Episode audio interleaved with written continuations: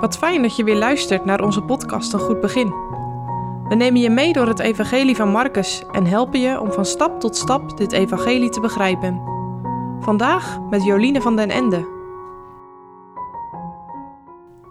We lezen vandaag Marcus 14, vers 43 tot 52. En terstond, toen hij nog sprak, kwam Judas aan, die een was van de twaalfen, en met hem een grote schare, met zwaarden en stokken gezonden door de overpriesters en de schriftgeleerden en de ouderlingen. En die hem verriet, had hun een overeengekomen teken gegeven, zeggende: Die ik kussen zal, die is het. Grijpt hem en leidt hem voorzeker heen. En toen hij gekomen was, ging hij terstond tot hem en zeide: Rabbi, Rabbi, en kuste hem. En zij sloegen hun handen aan hem en grepen hem. En een van hen die daarbij stonden, het zwaard trekkende, sloeg de dienstknecht van de hoge priester en hiel hem zijn oor af. En Jezus antwoordde, zeide tot hen: Zijt gij uitgegaan met zwaarden en stokken als tegen een moordenaar om mij te vangen?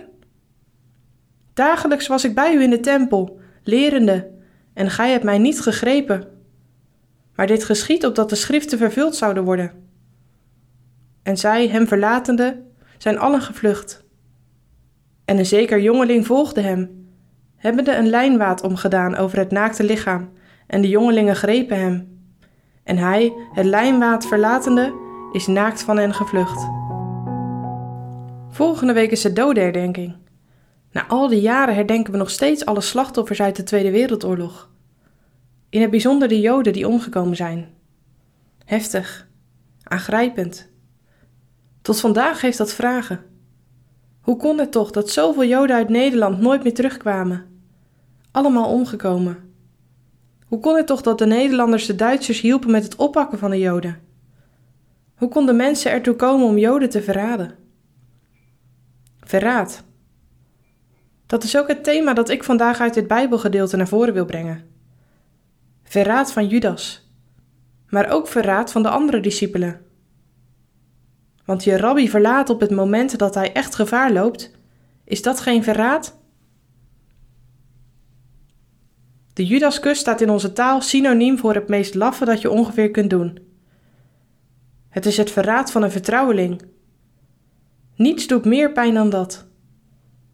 Wat zal dit een enorme schok zijn geweest voor de andere elf discipelen? Dit hadden ze niet aanzien komen. Ik kan me hun verwarring goed voorstellen. Ik kan me ook voorstellen dat ze allemaal gevlucht zijn.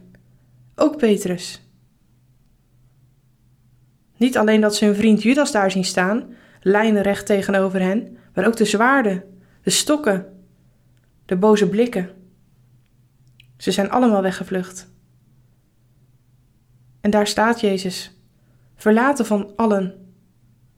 Ja, één van zijn discipelen is er nog, Judas. Maar Judas is nu een marionet van de duivel geworden, lijnrecht tegenover Jezus.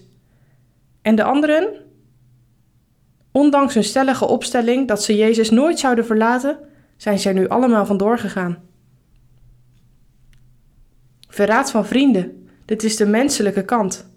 Maar daar, helemaal alleen, staat Jezus, de Zoon van God, verlaten, alleen. En de mens komt zijn gram halen, verraad. De mens door God gemaakt, gekozen om God de rug toe te keren.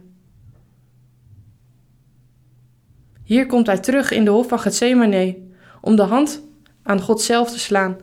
Krijgt de duivel met dit verraad door vriend en vijand zijn helse zin? Nee, want Jezus weet wat hij doet.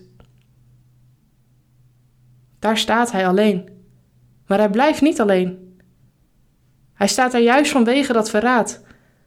De mens heeft God, zijn schepper, verraden. Maar God heeft het er, met eerbied gesproken, niet bij laten zitten. Al willen wij God niet meer, Hij wil ons nog wel.